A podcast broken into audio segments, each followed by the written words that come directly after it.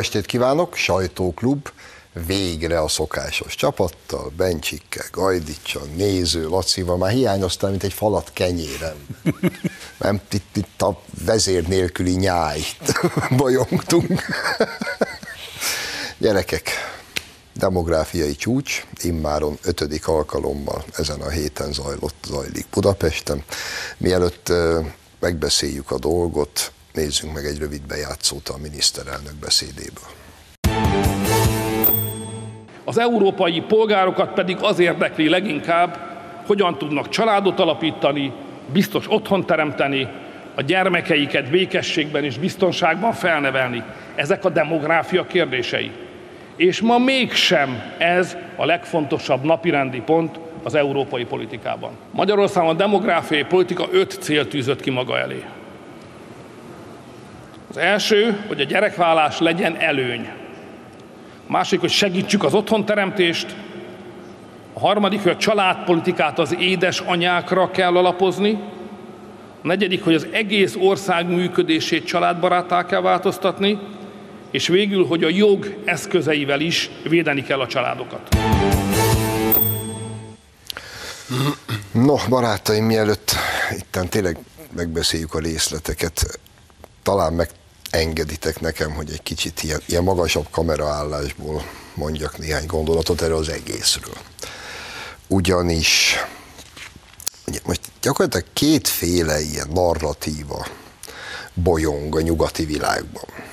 Az egyik, és a hangosabb, az az, hogy túlnépesedtünk, 8 milliárd ember él a Földön, és akkor ennek folyamányaként mindenféle ilyen vok, meg cancel culture és neomarxista felvilágosult elmebeteg eljut odáig, hogy az a felelős magatartás, ha nem vállalsz gyereket.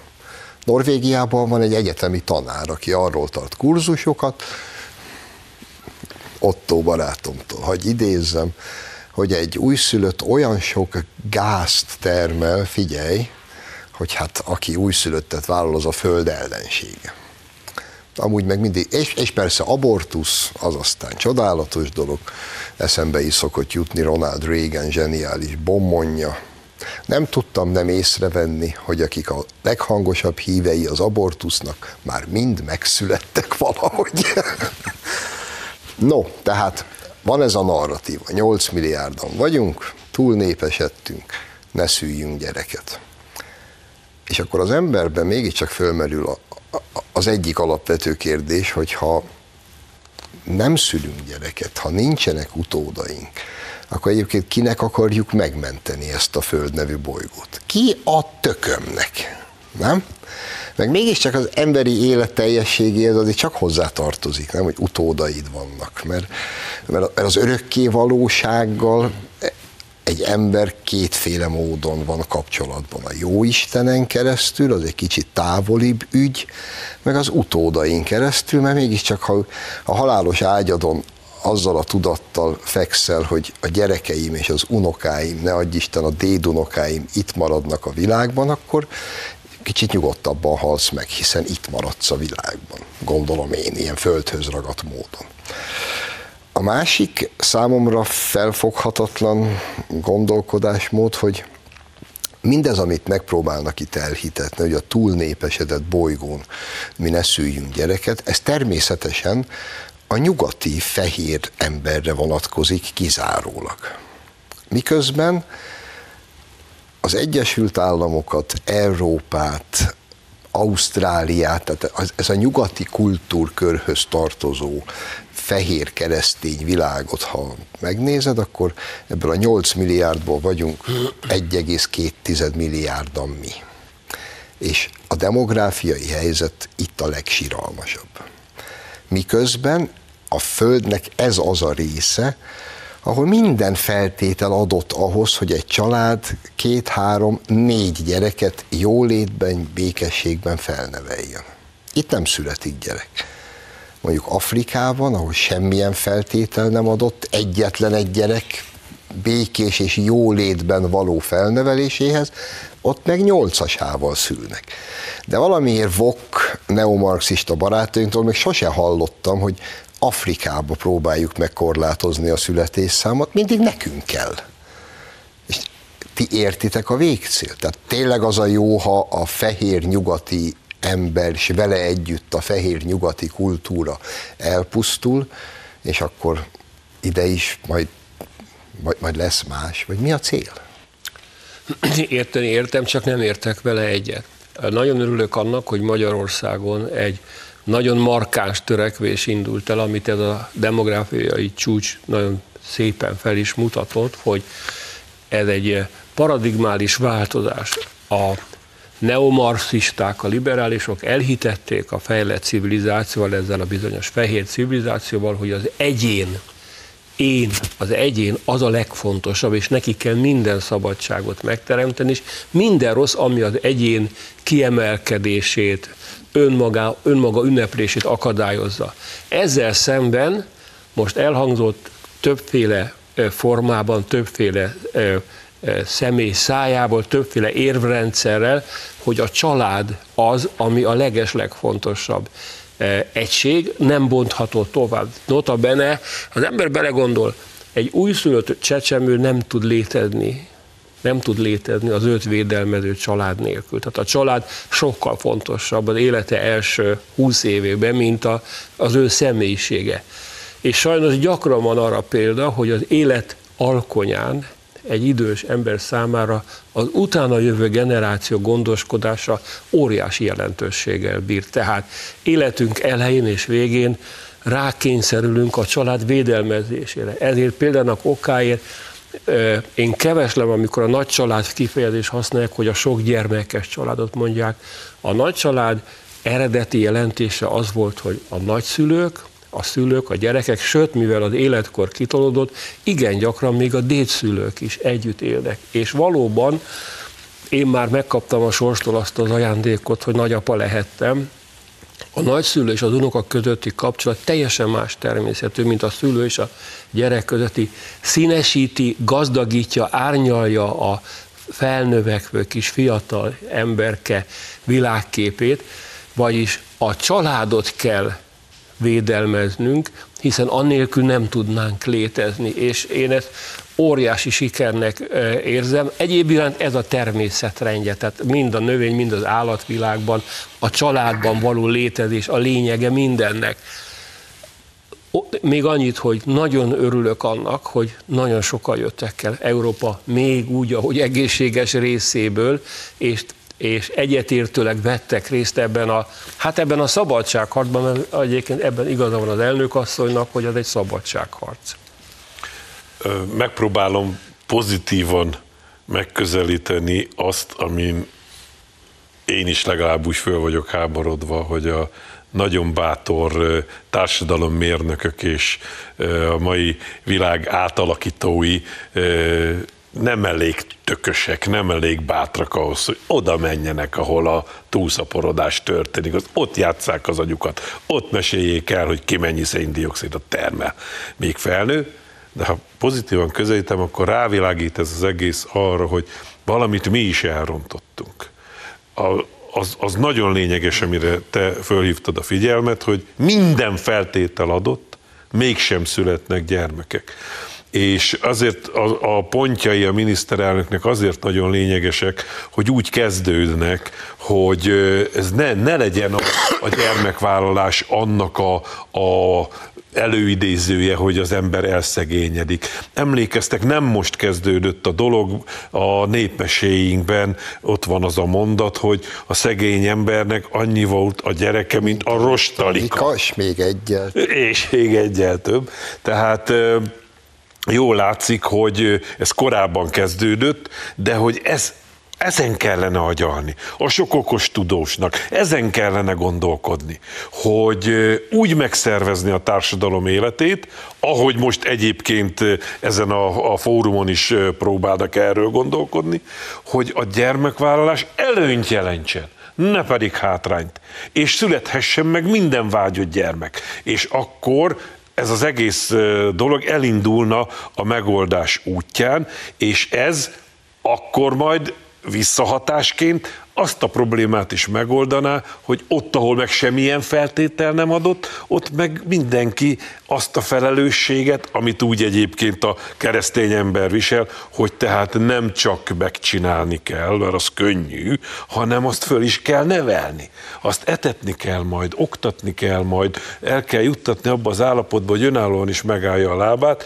megálljon a lábán. Na most ezt, ezt viszont ott kellene elhinteni, és akkor ez a két dolog egymással párhuzamosan eljuttatná odáig az emberiséget, hogy nem élné föl a bolygó erőforrásait. Csak hát a haragos zöldek, azok annyira idióták, hogy bele se tudnak ebbe gondolni. Hát több kérdés is felmerül. Az egyik például az, hogy Miért van az, hogy abban a földi bioszférában az ember az egyetlen élőlény, amelyik nem teljesíti a biológiai parancsokat? E- az első biológiai parancs szaporodni. A legkisebb egysejtűtől a legbonyolultabb életformákig a szaporodása az egyik a, a legelső dolog. A fajfenntartás, szaporodás, de egyébként ez, ha istentelenül nézzük a dolgot, aki ugye azt mondta, hogy szaporodjatok és sokasodjatok, ha, ha a materialista szemszögből nézzük, akkor is, tehát ez a biológiai, az anyag parancsa, hogy, hogy szaporodni. Miért? Miért van ez? Hogy, de ez nem csak a nyugati ember, mert ugye Kína is komoly demográfiai problémákkal küzd. Nyilván ott történelmileg más a helyzet, az egykeség.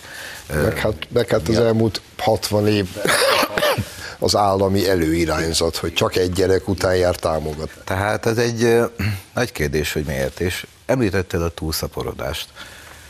Vannak, akik azt mondják, hogy túl sokan vagyunk, emberek, hogy e, ez a 8 milliárdból elég lenne, akár 80 millió is, hogy fenntartsa az eliteknek a, az életszínvonalát a mai mesterséges intelligencia, robotika, egyebek mellett.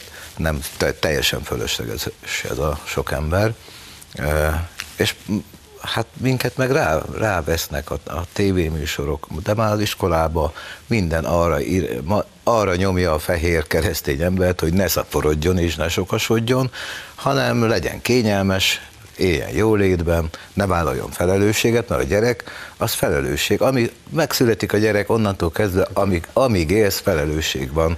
A válladon, akárhány éves a gyereket, a 30 éves, akkor is izgulsz, hogy mikor ér haza este, jól van-e, minden rendben van-e vele, soha többet nem, nem, vagy, nem lehetsz önmagad, már pedig a mai embernek a legfontosabb, hogy hát így önmagad, ugye valósítsd meg magad, élj úgy, ahogy akarsz. Ha gyereked van, ennek vége. De hát sokkal többet ad a gyerekvállalás, mint amit elveszítesz vele, de akinek nincs gyerek, ez nyilván nem tudja.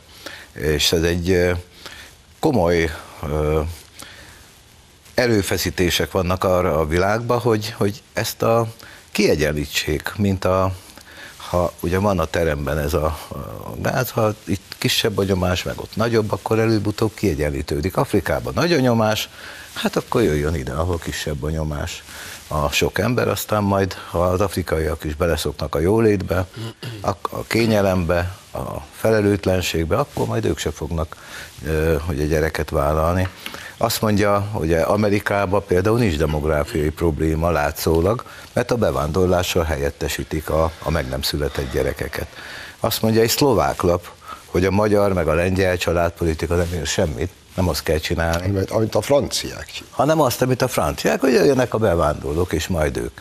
Na de hát nézzük meg Francia, tényleg pótolják a bevándorlók a, az elveszett francia nemzedékeket? Dehogy pótolják. Amerikában sem pótolják. Szóval lehet, hogy összeesküvés elmélet, de mintha tudatos terv lenne erre, aminek hál' Istennek mi, magyarok, és úgy tűnik azért vannak mások is a világban, ellenállunk. Igen. Geniális mém, csak itt, amit a végén mondtál, a migránsok, mert Urzula néni is most kifejtette itt az unió állapotáról szóló nagyívű beszédében, hogy további migránsokat kell beengedni, mert nincs elég munkaerő. Zseniális mémet láttam, van az az ikonikus fénykép az egyik utolsó indián törzsfőnökről, az ülőbikáról, és akkor ez a fénykép, és az van aláírva, hogy nem tudtuk megállítani a migránsokat, ma rezervátumban élünk. Szerintem egészen jó kifejezi a dolog lényegét. Nagyon. Ha még szabad annyit hozzáfűzni, hogy Ursula von der Leyen arról is beszélt, hogy nagyon fontos eredményeket kell még elérni a nemek egyenlősége terén. Ez, ez, az egyik legveszélyesebb hazugság. Amíg hallgattam Latit, azt futott át az agyamon, hogy egy anya, aki mondjuk négy gyereket vállal, az minimum tíz évig kilép a társadalmi részvételből, mert a kisgyerekek felnevelése az első két három évig az anya nélkül nem, fizikailag nem tud létezni. Fizikailag a közelébe kell, hogy legyen. Tehát 8, 10, 12, 13, 14, 15 évig egy fiatal nő elsődlegesen az anya szerepet tölti be. Erre ez, ezzel nem lehet változtatni. Most azt lehet mondani, hogy elég lenne három is, de pontosan tudjuk, hogy jelenleg ott tartunk, hogy körülbelül négy gyerek volna az optimális. Azt kéne piedesztára emelni, hogy lelassuljon a népességfogyás. Vagyis azt kéne elérni, hogy egy fiatal lány számára a karrier lehetőségek közül az első helyen az anya anyai szerep legyen, és majd mint anya vehessen részt fokozatosan később a társadalmi cselekvésbe. Na de az a helyzet, hogy a férfiak nem tudnak gyereket szülni, tehát ez egy... Na, na, na, na ott, az, ott az El magazin címlapja, ott van, szerelemből igen, szület. Igen. Jó, akkor így fogalmazik, Magyarországon a férfiak még, még egyelőre nem tudnak gyereket szülni, tehát elképesztően hazug és gonosz dolog azt állítani, hogy egy nem, nem vagyunk egyformák, nem vagyunk egyformák, egyenértékűek vagyunk, de más a szerepünk, más a férfinak, és más a nőnek a szerepe is. Még annyit, hogy a marxistáknak van egy másik csúnya hazugságuk, hogy a lét határozza meg a tudatot. Nem, pont fordítva van. A tudat határozza meg a létet. Ha én tudatosan készülök a családi életre, az alapozza meg a létemet, és nem fordítva. Nem akarok kötekedni, bocsánat, de lehet, hogy félreértetted Ursulát, hogy a nemek közti egyenlő nem feltétlenül a férfiakra és a nőkre gondolt, lehet, hogy a többi 70-re. Az mindegy. Ebbe, ebbe nem lehetünk biztosak. Az a helyzet, hogy ez a ósdi, avittas, maradi gondolkodás, nem tudunk tőle megszabadulni. Hát az Európai Parlament megszavazta, hogy szülhetsz te is, András, úgyhogy nem is értem, hogy miért kötöd az ebben. Én is úgy gondolom, hogy más időket élünk, András. Csak te még nem fogod, még nem fogod az adást. El vagyok maradva, én úgy értem. Egyébként csak, hogy még egy hazugság, ugye jó. most itthon a ballipsik, mi, mert hogy most demográfiai csúcs van Magyarországon, most az, ami a csövön kifér, fikázzák az egészet, az egésznek semmi értelme, teljes csőd, ez csak, ha csak a tényeket nézzük, 2010-ben 1,2 tizedes termékenységi rátával vettük át a kormányzást. 13 év alatt kinkeserben feltornáztuk valahova 1,6 és 1 hét közé. 2-1 lenne a ideális. Hát, hogyha így haladunk, akkor 10 év múlva az is meg lesz de ezt ők nem szeretik. Hát most azon, azon hőbörögnek, hogy a mi általunk célokat nem elég gyorsan, nem elég ütemesen érjük el, miközben nekik céljaik sincsenek. Tehát ez elképesztő, hogy ezek viselkednek ebben a kérdésben is. Hát mondj egyet, amiben. Tehát, hogy egyfelől ugye ez egy ótvaros hazugság, hogy semmi nem történt. Ha van siker, akkor ez mindenképpen az. A másik hazugságuk, hogy itt azért nem születik gyerek, mert minden szar. Az infrastruktúra, itt az oktatás, az egészségügy, a, a minden szar. Hagyj tegyem fel a kérdést szerényen. Ahol az ő állításuk szerint minden sokkal jobb. Mondjuk, mondjuk Németországban. Ott például mondjuk alsó százországban 0,7 a termékenységi ráta. A német nők ott konkrétan már egyáltalán nem szülnek gyereket. Tessék mondani, miért nem, ha ott minden olyan remek? Ugye mit mondtál, Fekete-Afrikában miért születnek annyian? Ezen, ezen kéne elgondolkozni, hogy, hogy ugye nyilvánvaló, hogy ez egy kulturális ügy. És úgy tűnik, hogy a hanyatló kultúrákban és civilizációkban nem születik gyerek. Éppen ezért kéne ezt a hanyatlást megállítani. A hanyatlás megállítása viszont csak a normalitás és a tradicionalitás helyreállításával lehetséges. Szerintem a magyar kormány ezen ügyködik. akik meg ezt kiröhögik, meg fikázzák, azokat meg üsse meg a lapos guta. Most tartunk egy rövid szünetet, és aztán jövünk a második résszel.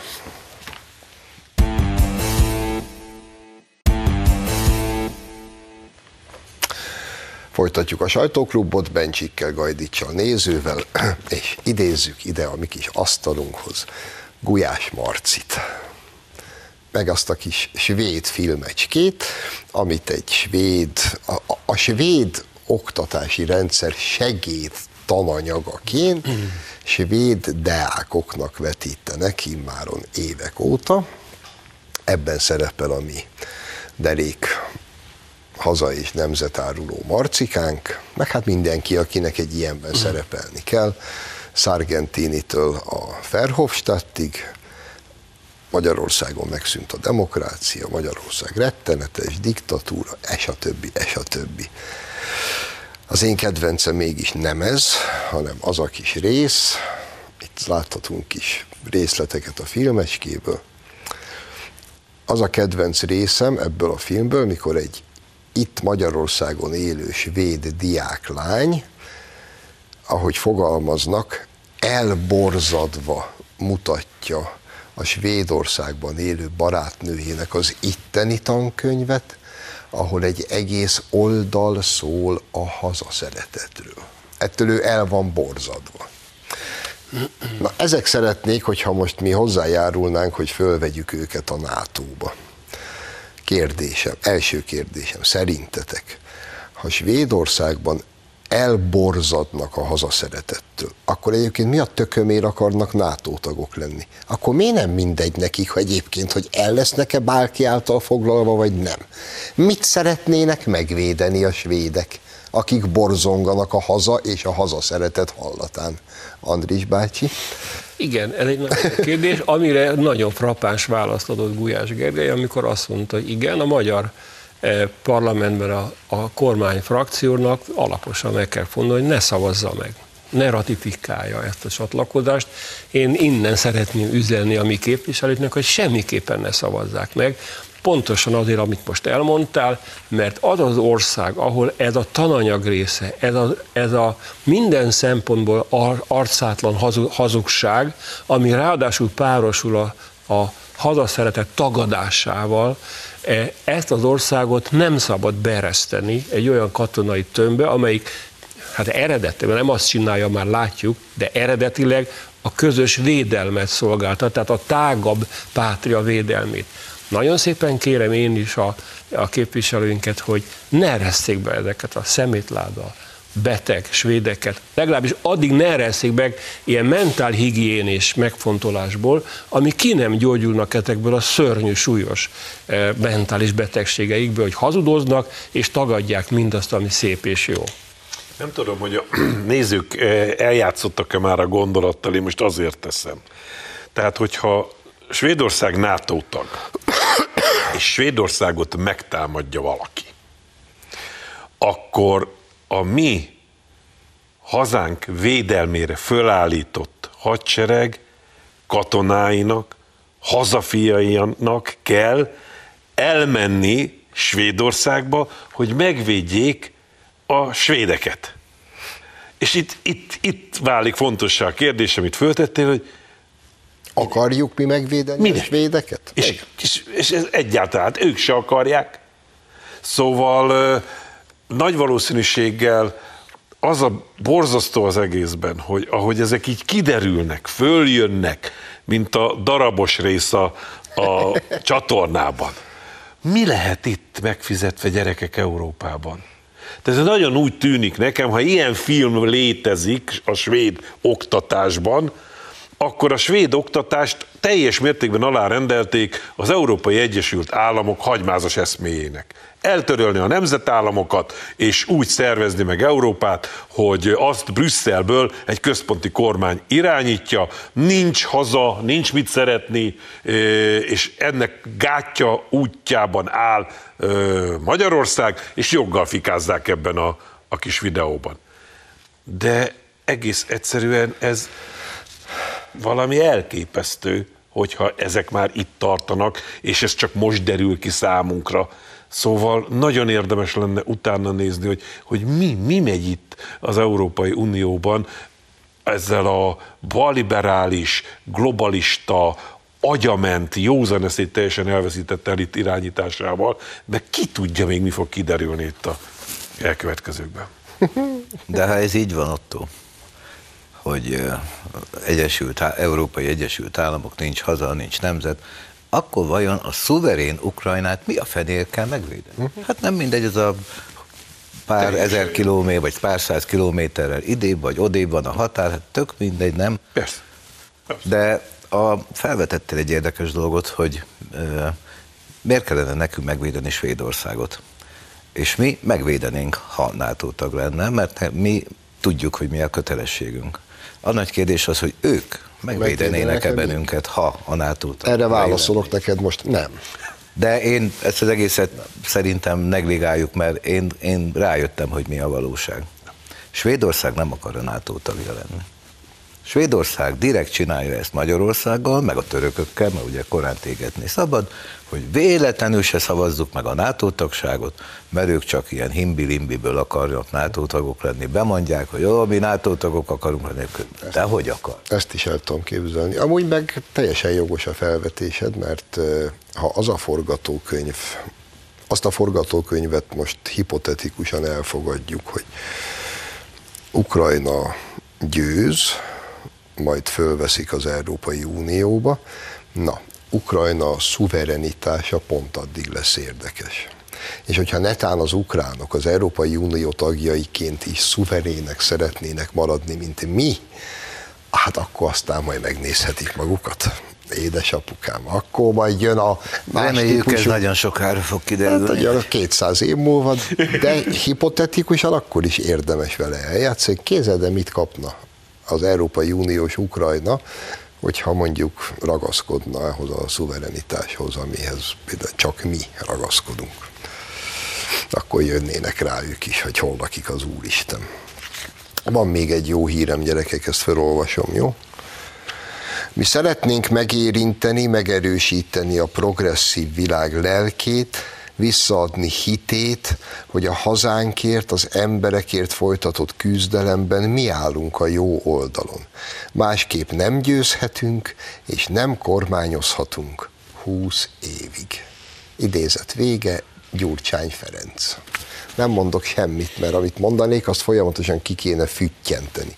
Ebben az idézetben nem szerepel, de a beszédében egyébként nagyon sokat beszél a pénzről, hogy ennyi meg annyi pénz hozna ő haza azonnal két héten belül.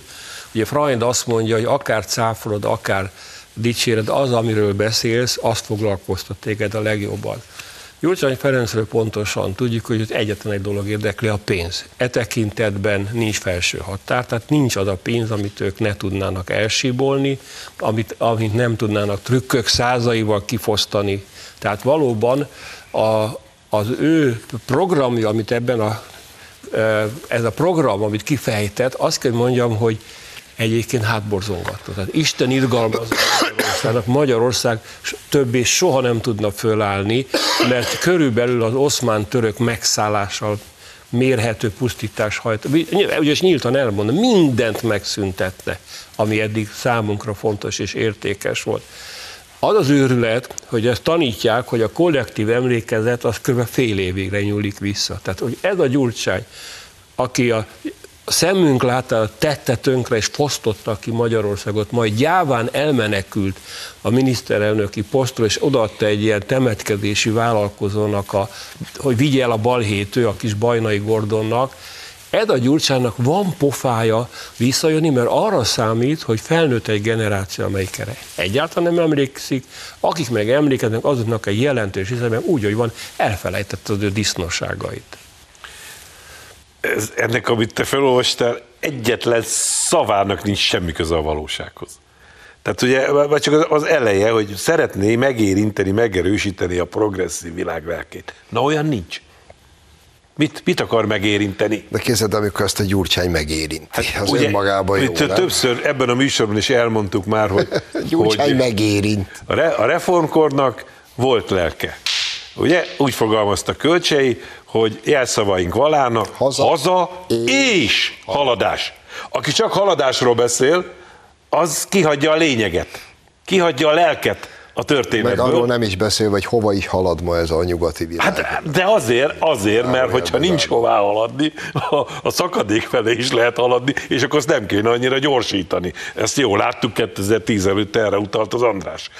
És úgy egyébként, én ezt már mondtam egyszer valamelyik műsorban, hogy a legborzasztóbb az ebben a 20 évezésben, hogy ez most tudjátok mire reakció, hogy kiszivárgott köcséről, hogy ott Orbán Viktor azt mondta, hogy ö, 34-ig gondolkodik, mert hogy eddig 30-ról beszéltünk, de hát négy évet elvett tőlünk a Covid. Meg a háb. Hát erre a Gyurcsánynak muszáj volt tromfolni, mert ő semmi más nem tud, csak majmolni Orbán Viktort. Arra már rájött, hogy hogyan verte meg őt Orbán Viktor, és most ezt próbálja utánozni, de arra szerencsétlen még mai napig nem döbbent rá, hogy miért. És ha ezen elgondolkodna, és rájönne, akkor talán végre visszavonulna. De nem biztos, hogy kiadja az agya. 20 év, amikor olyan 11-2 évvel ezelőtt írtam egy könyvet a Gyurcsány bajnai korszak bűneiről, én is azt gondoltam, hogy 20 év Gyurcsánynak, de hát nem jött be, de lehet, hogy jobban jártunk, hogy nem jött be, mert hát itt van nekünk ez az örök Gyurcsány, és lehet, hogy a kollektív emlékezet fél év, de valamiért mégse tud kitörni abból a 11-2 százalékos börtönből, amiben a DK van bezárva, és ez maradjon is így, ez nagyon is jól van. Tehát valami mégiscsak van a, a, a nép emlékezetében, hogy lehet, hogy már nem tudja, hogy mit csinált, lehet, hogy már nem emlékszik mindenre pontosan, de valami, valamiért tudja, hogy ez az ember, ez az ember nincs rendben. Mondjuk nem nehéz azért megtudni, ha meghallgatja az ember egy beszédét, ha, de elég csak ránézni, hogy hát ezt, ezt az embert azért mégse kellene megválasztani, és én nagyon remélem, hogy nem is fogják, de abban se vagyok biztos, egyszer biztos, hogy Orbán Viktor is mondta, nem mindig fog a Fidesz nyerni. Igen. Lehet, hogy 30, nem tudom. De szerintem olyan, olyan mélyreható változások következtek be Magyarországon, a magyar társadalomban, az államigazgatásban, a közigazgatás, stb. stb. Nem biztos, hogy ezek meg fogják tudni változtatni. Ahhoz kellene nekik meg- egy, meg- egy, Meg nem, egy jó meg nem biztos, kétharmad. hogy hagyjuk. De, de Laci, Hát az a másik, figyelj, hogy- csak gondold végig azt a mondatot, hogy nem fog mindig a Fidesz nyerni, de ha a Fidesz nem nyer, akkor se fognak ők. Ez halálbiztos.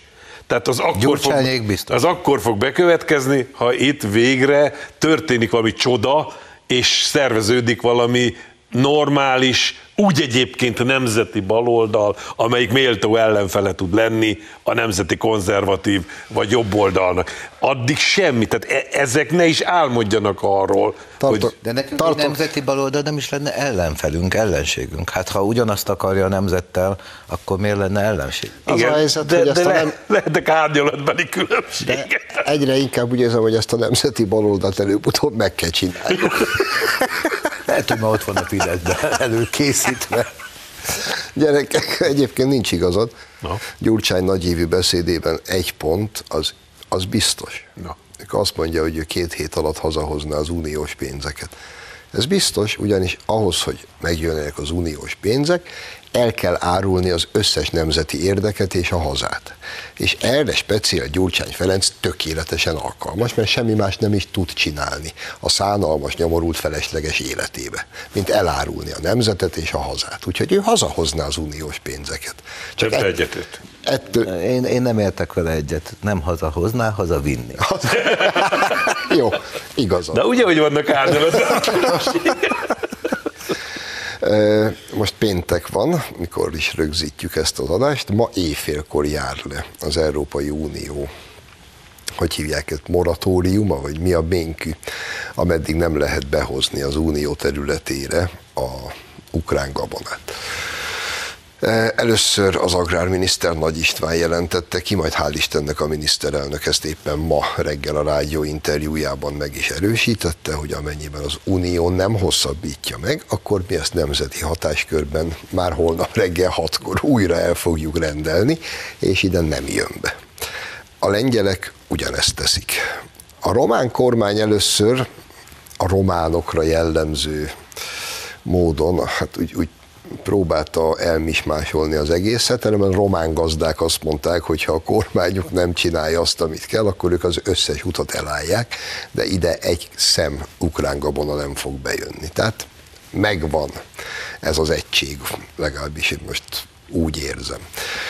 És még amit itt a témával kapcsolatban szeretnék mondani, Ursula von der Leyen néni, akinek egy, csak egy apró kis mozaik, hogy hol tart ma Európa, de muszáj elmondanom, hogy miközben ő vázolta nagyívű beszédében Európa jelenlegi helyzetét és jövőjét, a közben a belügyi biztos elővette a kis kötését, és elkezdett érmelegítőt kötni benne az Európai Parlament, tökéletes, tesó, tökéletes. Hát, mint csendben a tenger, minden benne van ebben, a, ebben az egész fostalicskában, amit Európai Parlamentet meg Uniónak hívnak. De visszatérve. Ugye Ursula néni hosszan értekezett arra, hogy az európai piacot meg kell védeni Kínától. Kínai autóktól is. Most majd felülvizsgálják, az akkumulátorgyárakat is felülvizsgálják. Tehát ugye ez nekünk szól üzenet. És vártam, hogy hát ha már a kínaiaktól meg kell védeni az európai piacot, akkor nyilván az lesz a következő mondat, hogy az ukrán gabonától is. Ezt kifelejtette. Mi felejtette ki? Andri? Talán azért, mert igazából ukrán gabona nincs. Az amerikai gabona, Ez igaz. amit Ukrajn- Ukrajnába termesztettek. Ami nagyon fontos különbségtétel, tehát ugye Ursula von der Leyen, aki nyilvánvalóan ma már minnyáján tudjuk, hogy szintén helytartó, az amerikai Egyesült Államok helytartója, esze ágával sincs a gazdáival szembefordulni. Tehát ő veri a mellét, hogy majd ki, a kínai villanyautók és a kínai akkumulátorok ellen föl, fölállunk, tegyem gyorsan hozzá, ők intézték el, hogy folytsák meg a német tradicionális autóipar. Tehát ők kezdték el üvöltözni arról, hogy ez a benzinüzemű autók, meg a dízelolaj, ez borzalmasan szennyezi a környezetet. Ezért ugyanis a kínaiak minden ügyességük ellenére soha nem lesz, lennének képesek a Audival, BMW-vel, Mercedes-tel és a többi hagyományos autóval, hagyományos autóval versenyezni, azonban a villanyautók piaca annyira más, hogy ebbe a részbe ők azonnal be tudnak törni. Tehát maga Ursula von der Leyen szabadítja rá az Európai Unióra ezt a vadonatúj technológiát, amivel lehet vitatkozni, de úgy tűnik, hogy e percben megállíthatatlanul tör előre. De ami a lényeg ez ez, hogy azért nem szabad bereszteni az amerikaiak által termesz, Ukrajnába termesztett gabonát, mert dömpingáron nem tudni milyen minőségbe érkezik, és egész egyszerűen megölni, megölni a közép-európai mezőgazdaságot úgy, ahogy van. Még egy apró megjegyzés. Én úgy emlékszem, javítsatok ki, ha rosszul emlékszem, hogy az Európai Unió alapja egy vám unió volt. Tehát, hogy aki belép, egymás között könnyebben üzletelünk, mert hogy nem terheli a terméket a vám. És még sok egyéb harmonizáció is van. Akkor miért eresztünk be Miért eresztjük be az amerikaiakat? Miért eresztjük be vámmentesen az amerikaiakat? Miért olyan baromi fontos nekünk, hogy az amcsik, akik rabszolgamunkával e- megtermeltetik az ukránokkal a saját birtokukon a gabonát, azt ránk sorozhassák dömpingára. Ez miért olyan baromi jó nekünk? Azért- És ezért elpusztul a magy- az európai Azért, mert az. Európai Unió jelenlegi vezetői kilóra megvett gazem. Igen, hát ezért. És úgy fogunk bevonulni a történelembe, mint az európai gazdaság, és ezáltal az Európai Unió szétverői. Mindegy, hogy marad-e a, a csontváz, de a lelkét, a lelkét kiölik ezzel.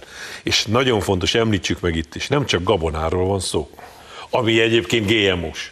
És tök mindegy, hogy használnak-e vegyszert, olyat, ami itt tilos vagy nem, a GMO-t nem kéne beereszteni. Nálunk tilos, Ezért mondom, de hogy nem csak gabona, Hát minden más. tojás, étolaj, méz. Egy rakás olyan termék van, amivel megfojtják a közép-kelet-európai országoknak is a mezőgazdaságát, de úgy egyébként a nyugatabbra lévőkét is, mintha kifejezetten ez lenne a cél, hogy az európai mezőgazdaságot egyszer is mindenkorra eltüntessék, mert hát túlságosan támogatni kell. Nagyon sok pénzt elvisz a közösből az nem számít, hogy, hogy egy rakás szabály egyébként a GMO-n túl is sehol nincsen, és azokból is most, most így visszagondolva egy csomó arra utal, hogy semmi más célt nem szolgál, mint tönkretenni az európai gazdákat. Minden esetre ma éjfél után kiderül, hogy ez a kelet-európai, közép-kelet-európai összefogás működik-e, vagy sem. Ha működik, az, az egy gyönyörű barátság kezdete lehet. Ha nem működik, akkor a románokon fog múlni, ugyanis a román gazdáknak nyilván nem a gabona a lényeg, hanem a pénz, és hát van olyan ügyes az Európai Bizottság, hogy esetleg meg tudja venni a románokat, ami nem először fordul elő a történelemben. Őket, őket még sosem. Úgyhogy, de ha ellenállnak a román gazdák ennek, az egy, az egy, és összefognak lengyelek, szlovákok, magyarok, az, az szerintem az egy jó dolognak a kezdete lehet. Mert másba is meg lehet ezt csinálni. Minden esetre, hogyha nem jól alakul, azért én úgy szeretném, hogyha a magyar gazdák azért úgy odaállnának valamelyik útkereszteződésbe. De Tehát az úgy... Ez, Mi nem fogjuk elvenni, tehát hogy Magyarországon nem lesz egy szem ukrán mezőgazdasági termék se, arra nagy tétekbe fogadok, és szerintem a lengyeleknél se. Azt innentől kezdve engem nagyjából nem is érdekel, hogy a románok mit csinálnak. Egyék meg, amit főztek. Uraim, köszönöm. Önöknek köszönjük a megtisztelő figyelmet. Jövő héten várjuk Önöket. Viszontlátásra.